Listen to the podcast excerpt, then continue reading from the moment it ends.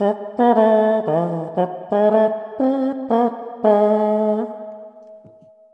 og velkommen til første podkast av 'Drodling på kirkegulvet'. Eh, vi er tre stykker her i dag. Jeg heter Linn Sæve Rystad og jobber som første amanuensis i praktisk teologi på MF. Og dere to andre er Eh, Tor Olav Gauksås, eh, kateket i Fornebulandet menighet i Bærum, og redaktør for ungdomsarbeid.no, som er kanskje hovedgrunnen til at jeg er en av oss tre. Jeg heter Brage Molteberg Midtsund, og jeg jobber som kapellan i Ullensaker menighet i Den norske kirke. Og Det er jo du som har på et eller annet vis dratt dette litt i gang, eh, Brage. Har du lyst til å si veldig kort noe om hva drodling på kirkegulvet er for noe? Drodling på kirkegulvet det ble starta i høst for noen måneder siden. Eh, hvor det var noen som var interessert i å snakke om, eh, om konfirmantarbeid og ungdomsarbeid i Den norske kirke. og jeg inviterte til drodling, og det var veldig populært. mange ble med på Zoom.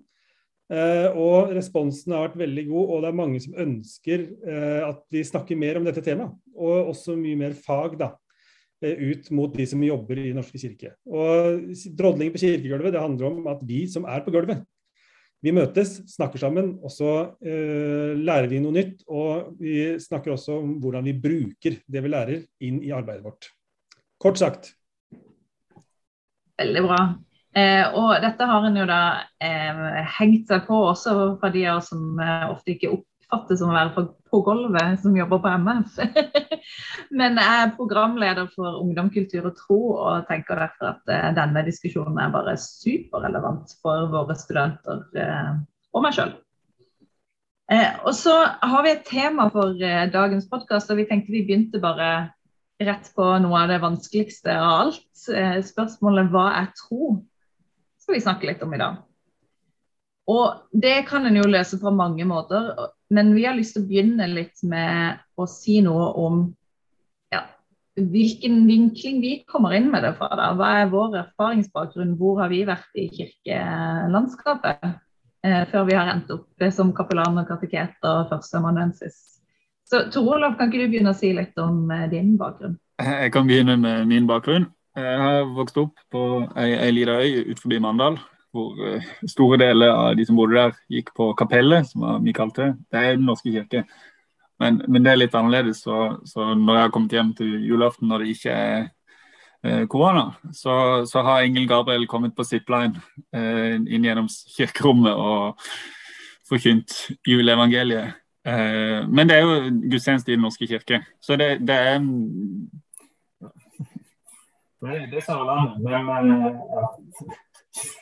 Men det er veldig stygt til Den norske kirke. Og så har jeg gått eh, på leir med frievangeliske, og jeg har vært på konfirmant i norske kirke. Jeg har gått på Hedmarktoppen folkehøgskole, som er pinsevennene sin uh, folkehøgskole. Og så har jeg vært, uh, jeg har vært et halvt år i Mosambik, som det er utsending for pinse, pinsevennene, faktisk eller gjennom de. Og så har jeg gått på UKT på eh, MF og videre på profesjonsstudiet, og så nå ute i jobb i Den norske kirke. Det ble veldig kjapt og formelt, men eh, så får dere andre se om dere følger den modellen eller korrigerer det. Jeg tenker at Da kan jeg ta min, eh, min i korte trekk, min reise. Altså, Jeg er vokst opp i evangelisk lutherske frikirke, i Kristiansand frikirke. Og eh, de som kjenner til Frikirka, vet jo at det er liksom eh, eh Den er litt sånn variert. så det, Hvis du f.eks. vokser opp i Hamar frikirke, så tror jeg ikke det er så veldig forskjell på Hamar frikirke og Ungdom i oppdrag, som er rett ved siden av. Eh, og hvis du vokser opp i Kristiansand frikirke eller i Oslo Vestre, der jeg jobber etter hvert, så er det ikke så veldig stor forskjell eh, fra oss og til Den norske kirke det er liksom ganske god eh, variasjon innad der òg. Men jeg vokste vokst opp da i noen av de litt mer sånn eh, hva skal man si, høykirkelige frikirkene. eh, vant til relativt mye liturgi. Eh, var innom en sånn Jesus Revolution-møte én gang og fikk helt skrekken. Og gikk ikke i pinsemenighet på 15 år etterpå. Har ikke skrekken nå. men, uh, men, jeg er liksom vant til luthersk lavkirkelighet, da. Uh, veldig tydelig. Så gikk jeg på MF, studerte teologi. Men har men jobba som pastor i Oslo Vestre kirke i fire år, som hovedpastor der. Så jeg hadde liksom Noen ganger når jeg presenterer meg, så sier jeg at jeg er både prest og pastor. For jeg tenker jeg har definitivt identitet som begge deler. Men nå er medlem av Den norske kirke. Og sa jo til dere rett før vi begynner, og kan si det til alle nå, at liksom, den overgangen der, den trodde jeg kanskje skulle Jeg hadde ikke trodd at jeg skulle savne frikirkeligheten, men det gjør jeg faktisk litt. Så nå savner jeg på en måte av og til noe av det litt mer sånn spontane som jeg var vant til. Og det hadde jeg virkelig ikke trodd at jeg skulle gjøre. altså. Så jeg føler at jeg har litt sånn ett bein i flere, flere leirer, da. Mm. Så Brage? Ja, jeg har uh, Min historie den uh, går ut på at jeg jo uh, vokste opp i Hedmark og prestesønn. Så jeg har traktert kirke, den kirka i hele mitt liv. men når vi bodde i ungdomstida mi, og litt før også for så vidt, da var det jo leir på det leirstedet vi kunne dra på, Trond ungdomssenter. Da jeg ble ungdom, så ble jeg da leder der. og så var jeg med i skolelaget Eh, i Østerdalen. Det var det eneste kristne fellesskapet som var for oss ungdommer. Eh, samtidig som jeg gikk i ei kjerke som er en folkekirke. Eh, så, og som mitt hjerte alltid har vanket til. Og så, når jeg skulle studere, så begynte jeg med å studere filosofi. samtidig som jeg gikk i Storsalen menighet og var aktiv der i mange år. Uh, og når jeg var ferdig studert, uh, da ble jeg til slutt religionsfilosof med mastergrad på MF, så uh, endte jeg opp som trosopplærer fordi jeg ikke fikk stilling som stipendiat på MF. Og fant ut at det var helt fantastisk å jobbe i felten. Og det, fra da har jeg ikke sett meg tilbake. og da jobba jeg som menighetspedagog i ti år, før jeg nå fant ut, etter mye press fra prost og kone og masse folk, om at nå bør du bli prest, så tok jeg praktikum på TF. Eh, og er nå ble eh, ordinert til prest nå i høst, men jeg jobba tre-fire år som vikarprest. da. Eh, så jeg er også bein i ulike leirer. Eh, med både laget som var viktig, men også teologisk nok veldig folkekirketype. Jeg har vært aktiv i Hekta, som uh, bærer preg av både masse lovsang og den type ting, men også en teologi som er eh, veldig tett på folkekirka. Eh, så jeg har også et ben i flere leirer og syns det er, er, spennende, da. Der har du meg. Det i et nøtteskall, i hvert fall. Ja. Og så var det mange ting jeg kjente med en gang at jeg glemte, men det får vi ta underveis i løpet av alle de podkastene vi skal ha.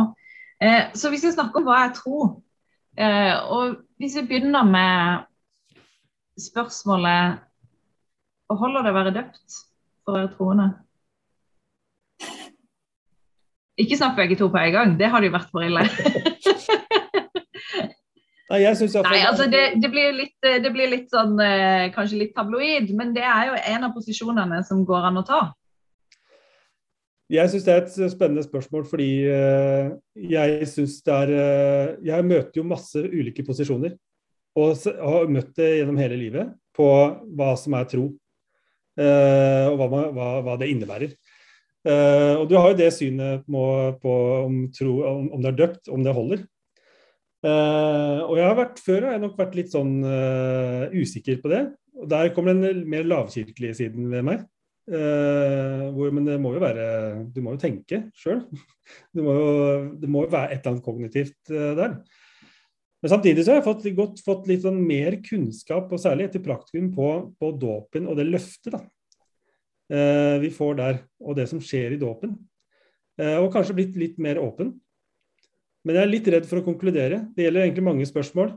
For hva, hva sier vennene mine hvis jeg velger side, liksom? ja, det, det er fryktelig mange ting som ah, Sorry, men det er fryktelig mange ting som jeg ikke har lyst til å, å konkludere med. Som jeg tenker liksom ja, Dette er kanskje opp til Gud og ikke meg. Eh, men når det er sagt, spørsmål om det holder, eller jeg vet ikke om det var sånn du formulerte det, men, men, men, der tenker jeg det er noe som kan problematiseres med hva, hva du vil legge da i, i, det at dette skal holde. Og hva, hva, vil det si da å være en troende hvis du knytter det til dåp? For, for, det er jo noe av det vi skal tematisere her, hva, hva er tro. Uh, så uh, der ligger det jo noe. Så på en måte hvis, hvis du tenker det i et sånn uh, himmel-helvete-perspektiv, Eh, så vil jeg fortsatt si jeg vet ikke, for det er opp til Gud. Men, men, men, i hvert fall det må nøstes opp i hva man legger i, i disse begrepene. da. Eh, så, og jeg vil jo tro sånn som i hvert fall ja, vaser vi bort her, men eh, når vi snakker om tro sånn som vi vanligvis snakker om det i Norge i dag, så kobler vi det jo på et eller annet vis til noe kognitivt, som, som Brage sier. Så det er veldig rart på en måte å si at det er kun dåp. Eh, fordi det gir ikke så mye mening, sånn som vi bruker begrepene. Men hvis du tenker på det som at eh, det er Guds løfte som gis til oss i dåpen, så kan du si ja. Så, nå svarer jo verken ja eller nei, men, men, det er så mange ting med spesielt sånn, så utrolig lada ord som, som, tro eller frelse, som veldig mange av oss som på en, måte, eller annen sammenheng har en kobling til kirka. Vi bruker de samme ordene, men vi kan legge veldig mange forskjellige ting inn i disse begrepene. da. Så jeg, jeg, tror kanskje ikke jeg svarte på noe som helst. Eh, ja. Det var mest for å få i gang samtalen, da. Eh, og det virker det som jeg fikk til. Men det, er, det jeg syns er interessant, er dette her du sier med det eh, kognitive. Fordi at jeg tenker jo at i utgangspunktet så er jo en luthersk dåpsteologi egentlig ikke så veldig kognitiv. Eh, det er, eh, grunnen til at en døper barn, er jo altså, Vi forventer jo ikke at spedbarna skal kognitivt forstå hva som skjer i dåpen. Eh, og så kan man jo også diskutere at eh, hvem i alle dager kan egentlig kognitivt forstå det. Det skal jo være, det er jo et sakrament, det er et mysterium. Eh, men det er litt interessant, syns jeg, at denne her relativt sånn ikke-kognitive praksisen med dette mysteriet som dåpen skal være, har endt opp med å bli en sånn Ja, men kan du nok til å tro dette? Kan du, må man forstå det kognitivt? Nei, man må ikke det, men så må man jo drive trosopplæring fordi at en må allikevel ha med noe mer. Eh, det er jo ikke et enkelt svar. Jeg tenker vi, Hvis vi hadde landa hva jeg tror på fem minutter, så hadde det ikke vært en dyp nok diskusjon. Hva tenker du Rage, om dette kognitive aspektet? Uh, jeg sa jo at jeg er både jeg er filosof Eh, og teolog. Og så er jeg et menneske da, oppe iblant det her. Og, og disse ulike figurene nok, kan ulike, ha ulike perspektiver. Da. For Filosofen i meg sier jo at, eh, at det, er, det, det, er, jo noe kognitivt. Det er tillit, eh, og det er, det er måten du forholder deg til, til Gud på. da. Og, og, og, jeg tenker også at når jeg har konfirmanter, underviser konfirmanter og spør dem om hva tro er, så er det, er det det de snakker om. Eh, eh, mens eh, andre sider, altså den teologiske delen av meg, sier jo at, at nei, men det er, altså det er, det er noe ikke-kognitivt der. Det er noe med dåpen å gjøre. Det er også noe med, med fellesskapet da, med Gud.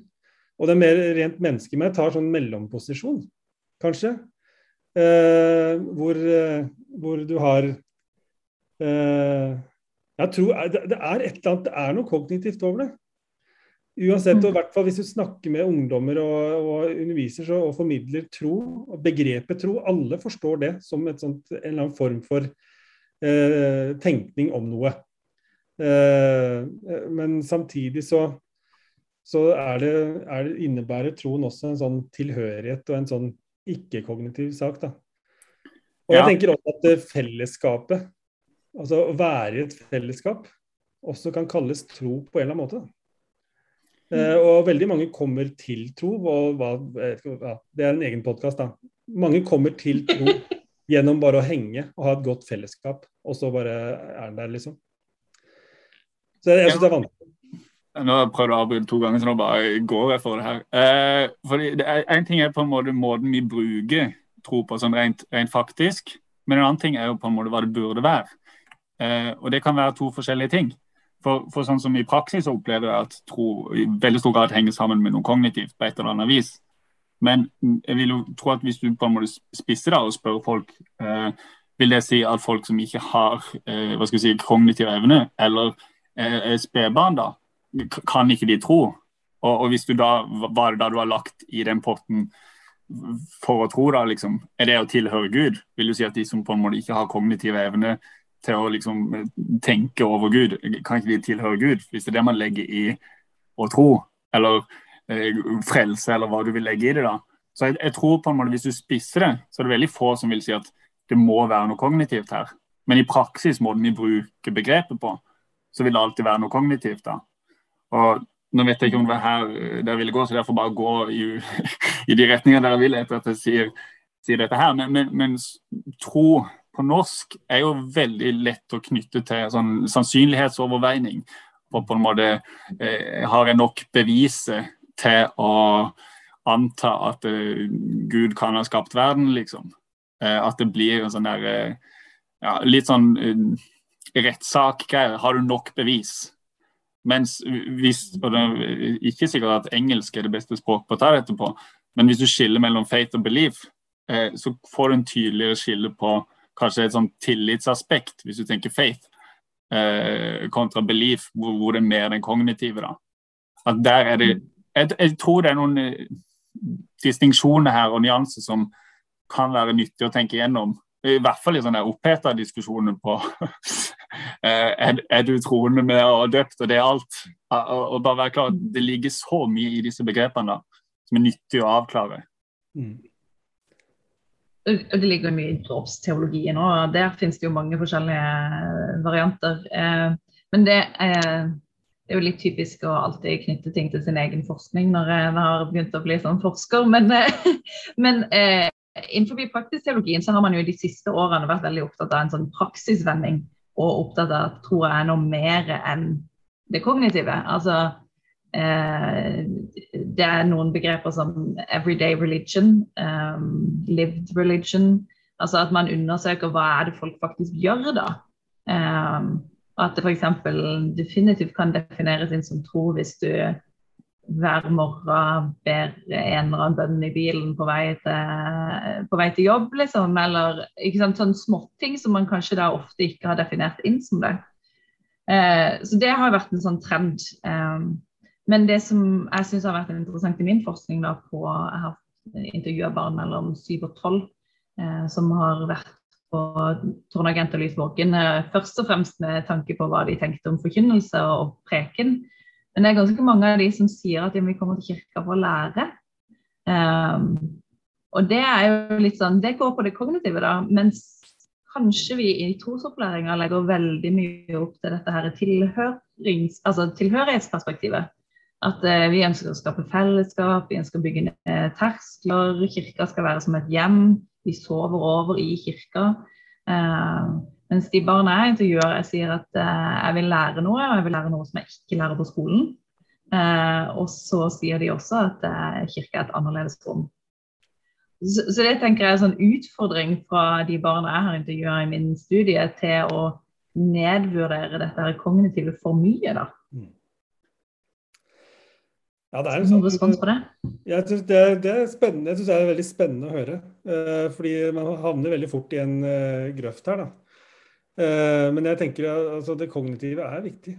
Samtidig som jeg, jeg har nok bevega meg fra å tenke veldig kognitivt om tro. Jeg husker i min ungdom, eller 20-åra, liksom, det begynner å bli lenge siden, at det, liksom, det var diskusjoner og oppveininger eh, på, på, på hvor sannsynlig, sannsynlighetsberegning i forhold til Guds eksistens og sånne ting. At det er tro, da. Når du har fått det til å gå opp, så ja, da tror jeg. Uh, mens uh, i de senere årene så har jeg blitt mer og mer sånn knytta det til uh, det. Når jeg var 21 år, så ville jeg nok bli provosert over hva jeg sier nå. da, At, at tro Jeg tror kanskje ikke er eller For å se om en ungdom tror, da, så behøver du ikke å spørre den, men se litt på hva han gjør. At handlingene viser det. Og det er ikke sånn at det, det skal ikke bli en sånn katolsk handlingsteologi her. Men at det er en form for tillit. altså Det er kanskje den beste form for tillit. da, er når du, du handler i tro. Altså det er det som er troa di, er liksom at du ber en bønn hver morgen. Eller at du går på ungdomsklubb. Eh, at du sier trosbekjennelsen. Eh, uten at det ligger en sånn der, uh, sannsynlighetsberegning eller et sånt regnestykke bak det. En filosofisk overveining som du har måtte blitt overbevist av. Jeg har blitt mer og mer der, jeg. Faktisk. og også for min egen del. At, at de gangene jeg reflekterer over min egen tro, så, så er liksom det at jeg lever, lever som kristen. Det er tro. Men det betyr ikke at det, det, nå har jeg droppa det kognitive. Fordi, fordi det, det, er absolutt kognitivt når det handler om tillit da, og hvile i Guds uh, forsyn, som Søren Kirkegaard sier det. da. Handler det om valg også, eller? På, på en måte, men samtidig så handler det Uh, om at uh, Ja, det handler på en måte om valg. Da. Du velger å på en måte for, Du velger at dette stoler jeg på på en måte. Eh, og dåpen fungerer. Vi har ikke glemt dåpen, bare for å ha det sagt. liksom. Eh, men eh, ikke like stor grad. Og det er ikke et valg du skal ta hver dag. Det er ikke slik at du skal måtte, ta en vurdering på det hvert femte år, eller hva, hvor ofte du har, har, sånne tvilsprosesser på at 'jeg tror'. Men at man på en måte i det daglige så, så lever man som om man tror. Og det er nok at det er en, det, altså best, ikke nok, Nå snakker vi ikke nok i forhold til hva du, eh, frelse og sånne ting, har vi ikke snakka om. Men i forhold til å beskrive hva tro er, og kalle deg en kristen. Og det ville jeg sagt kanskje til en ungdom, en konfirmant, at, at du, kanskje du er, du er, kjempeusikker på hva tro er. Veldig usikker på hva du tror sjøl. Eh, skeptisk. Men, men, hvis du har lyst til å nå sier jeg det veldig karikert, men hvis du har lyst til å være en kristen, og en som tror, så kan det være nok at du går i kirka eller tegner korsets tegn eller folder hendene en gang iblant. Eh, og så er det tro. Du trenger ikke å være en sånn lang intellektuell eh, greie hvor du på en måte har kommet fram til et svar. Ja, Nei, og, det, og, det, tror jeg er kanskje et sånt spørsmål hvor, hvor, det ikke alltid er så produktivt å finne ut eh, er du innenfor eller ikke. Men mer sånn på en måte hva er det som er sentrum her, og, og på en måte hva er det vi skal nærme oss, enn å på en måte sette den ringen rundt og passe på akkurat nå er du ut forbi, nå er du inn forbi. Men, men heller om at fall, det handler jo i hvert fall om Jesus, tenker jeg. Og, være interessert i Jesus. Og, og, kanskje noe, hvis man skal ta noe kognitivt inn i dette her, at Jesus har en helt spesiell relasjon til, til Gud, og, viser oss noe om hvem, hvem Gud er. Eh, enn på en måte der er du kristen, der er du ikke kristen eller troende. Eh, det er i hvert fall, jeg, jeg kjenner meg ganske mye igjen i det. Brage snakker om å på en måte bli fornærma Eller 21-åringen eh, sjøl hadde blitt fornærma av møtet med, hvor, hvor, det på en måte ikke er så viktig at jeg skal ha et liksom der mattestykke som jeg får til å gå opp, og da kan jeg tro at det går liksom vekk fra den der uh, ja, skal ha alle svarene, men det er mer på en måte hvordan, hvordan lever man det livet man har. Eh, og har jeg tillit til at Gud er kjærlighet, liksom. Det, det er nok mer sånn eh, i dag. Altså, det er jo eh, vi, det, er jo mange andre temaer som liksom ligger i randsonen av dette. Vi har allerede snakka litt om frelse og Jesus og, og Gud. og Det finnes jo noen sånn dogmatiske ting som man liksom tenker ja, men der er du innafor og der er du utafor. F.eks. at eh, Jehovas vitner ikke alltid regnes som kristne eller andre fordi de ikke mener at Jesus er Guds sønn. Altså, det finnes jo ganske mange sånne mer sånn formelle definisjoner av det. Og Det er egentlig ikke det vi snakker om nå, eh, bare sånn å få rydda i det. Eh, og jeg kjenner meg også så sinnssykt igjen i at den 21-åringen ville jo ha sagt til meg at jeg ikke var kristen lenger. Liksom. eh, fordi at det har endra seg såpass mye hvordan jeg tenker om eh, både hvordan jeg teologisk tenker, og hvordan jeg tenker om hvem som er innenfor og utenfor, og om det er en tjenlig måte å drive og definere folk på. Det tenkte jeg nok da, altså. Eh, det gjør jeg ikke nå lenger nødvendigvis. ikke sant? Så det, det er jo noe med må, må man, det, det, kan jo også være et, et, tema til neste. Må man liksom innom en eller annen mer sånn bastant periode? eh, men altså, dette valget at du tar et valg på et eller annet vis. Men sånn som du sier, det er ikke sånn at du må liksom det er ikke det, Vi snakker ikke om det der pietistiske valget om at du skal se innover i deg sjøl hele tida hver dag og liksom velge Jesus hver gang, eller disse What would Jesus do-båndene som jeg gikk med, i hvert fall. Der er liksom eh, som den fromme, veldig seriøse tenåringen var, virkelig liksom tenkte på det når jeg tok valg. Eh, og tenker at det førte nok til litt mer nevrose og nervøsitet og forknytthet enn det burde ha gjort. Eh, så det er liksom det er noe med Ja, det er et valg, ja, det er litt kognitivt. Eh, ja, det betyr at man kanskje gjør noe annet. Man går kanskje i kirka, man ber kanskje.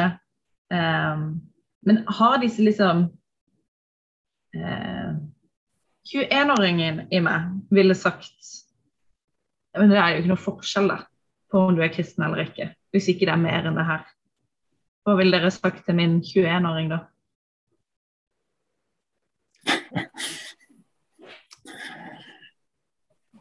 Ja, ble det tyst.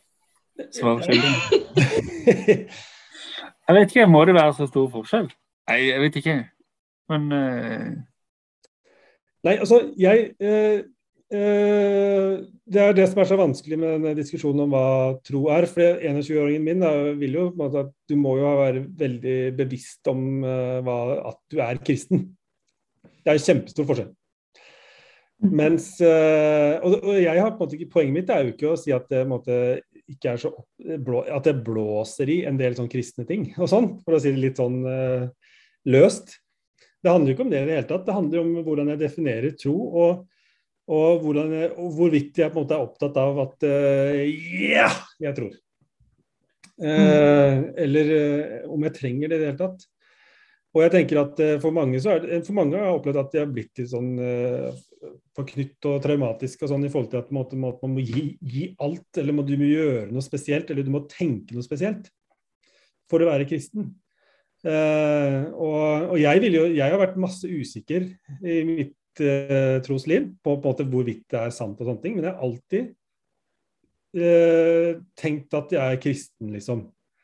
Eh, og gått i kirka, vært leder, jeg formidler masse om Gud fremdeles. Og, og jeg, jeg, er ikke sånn at jeg er usikker på Guds eksistens nå, det er ikke det. Men, men når jeg definerer tro, så, så tenker jeg at uh, det er andre ting da, enn den der uh, intellektuelle, kognitive greia hvor du måtte, får ting til å gå opp. Rett og slett, for det, slik opplever jeg det ikke. Uh, men jeg syns det er veldig vanskelig, og, jeg, og jeg, måtte, jeg, er ikke den store skeptikeren til uh, Descend og sånne ting. Jeg kommer ikke til å dra dit sjøl, liksom. Det kan jeg virkelig si ifra om. Men, men måte, ja. Det er en uh, greie. Uh, så jeg er ikke sånn superkritisk til det heller. men til mine ungdommer så vil jeg si liksom at, at det er ikke så vanskelig å tro. Rett og slett. Og det ville jeg kanskje sagt til meg sjøl når jeg var 21 år, da, for å si det litt enkelt. Det er ikke så vanskelig å tro eh, som det kan føles noen ganger. Når, hvis du blir utfordra på at du skal få det til å gå opp eh, enten av, kan, Den utfordringen kan du faktisk få fra både medkristne, men også fra ateister. Det, et, det spørsmålet dukker opp alle sånne sammenhenger. Men det er ikke, det er ikke så vanskelig. Og, og det holder å, å, trospraksis, liksom. Det å gjøre det, det kan være nok til å kalle det tro, da. Ja, jeg, jeg, tror Som 21-åring så var jeg nok mer sånn og Det er jo ekstremt teit å si, synes jeg nå, men, men det var nok mer svart-hvitt. og Nå har jeg blitt eldre og mer nyansert, og det er det som høres dritteit ut å si. Men, men, det var liksom fordi, og det mener jeg fortsatt, og dette er noe som jeg syns er utfordrende å forkynne, men jeg tror eh, Gud og Jesus vil oss noe, liksom. Jeg, jeg, tror de på en måte vil at vi skal gjøre noe på en måte hvordan vi lever livene våre i dag. Men samtidig har jeg lyst til å si at men om du ikke får det til, så skal du fortsatt lov til å være kristen. Så på en måte der at ja, som kvinne, du må ikke gjøre noe. Men jeg tror fortsatt at Jesus og Gud vil at du skal gjøre noe. Men jeg tror fortsatt at du elsker like høyt. Og der er det på en måte Og det er så vanskelig å forkynne, syns jeg. Men samtidig syns jeg det er kjempeviktig. Det er sånn Noe av det som jeg syns er virkelig inspirerende med å tro og med, med å lese Bibelen, er hvor tydelig Jesus er på at dette her er ikke godt nok. Alle sammen er elska. Vi skal jobbe for et samfunn hvor alle er inkludert. Uh, uansett. Men det er på en måte det at du er inkludert uansett. Uh, det er kanskje litt flåsete sagt at Jesus har det, men uh, samtidig som du, du, legger kjempestort på en måte press på at vi skal faktisk gjøre noe. Så Det er jo, ja, det, det er jo bare, det er bare en tanke om hvem er det som skal få lov til å si at de hører, hører til. Men det betyr ikke at det, det ikke på en måte legger noe at, Jeg tror fortsatt Jesus vil oss noe, da. Selv om du får lov til å være med om du ikke får det til. Eh, ja, at det er litt der. Ja, altså, Det syns jeg er veldig fint sagt. Og, og, jeg tenker at mange, noen som hører det her, da, og jeg kjenner jo folk også som ville reagert med at ja, men det er for noen platte greier du snakker om nå, Brage. Uh, men samtidig så vil jeg jo si at jeg er jo jeg beinhard forkynner. Jeg har ikke en preken uten at jeg nevner Jesus. Uh, og sier veldig tydelig fra til mine konfirmanter uh, om, om, snakker veldig tydelig om Jesus og hva Jesus vil med oss. Så, så, det er liksom ikke noen sånne motsigelser da, mellom å tenke tro som en sånn tillitshandlinger, eller hva du kaller det, og det å ha en, ha en tro på at Jeg tror at når jeg leser ordet, at, eller når jeg holder, har gudstjenester, så er det i kraft av Den hellige ånd. Det har ikke noe problem med å si. Og Det er en, det, er en sånn form for tillitstro. da. Selv om jeg ikke da på en måte har, denne, har uh, dette regnestykket på stell nødvendigvis alltid, liksom.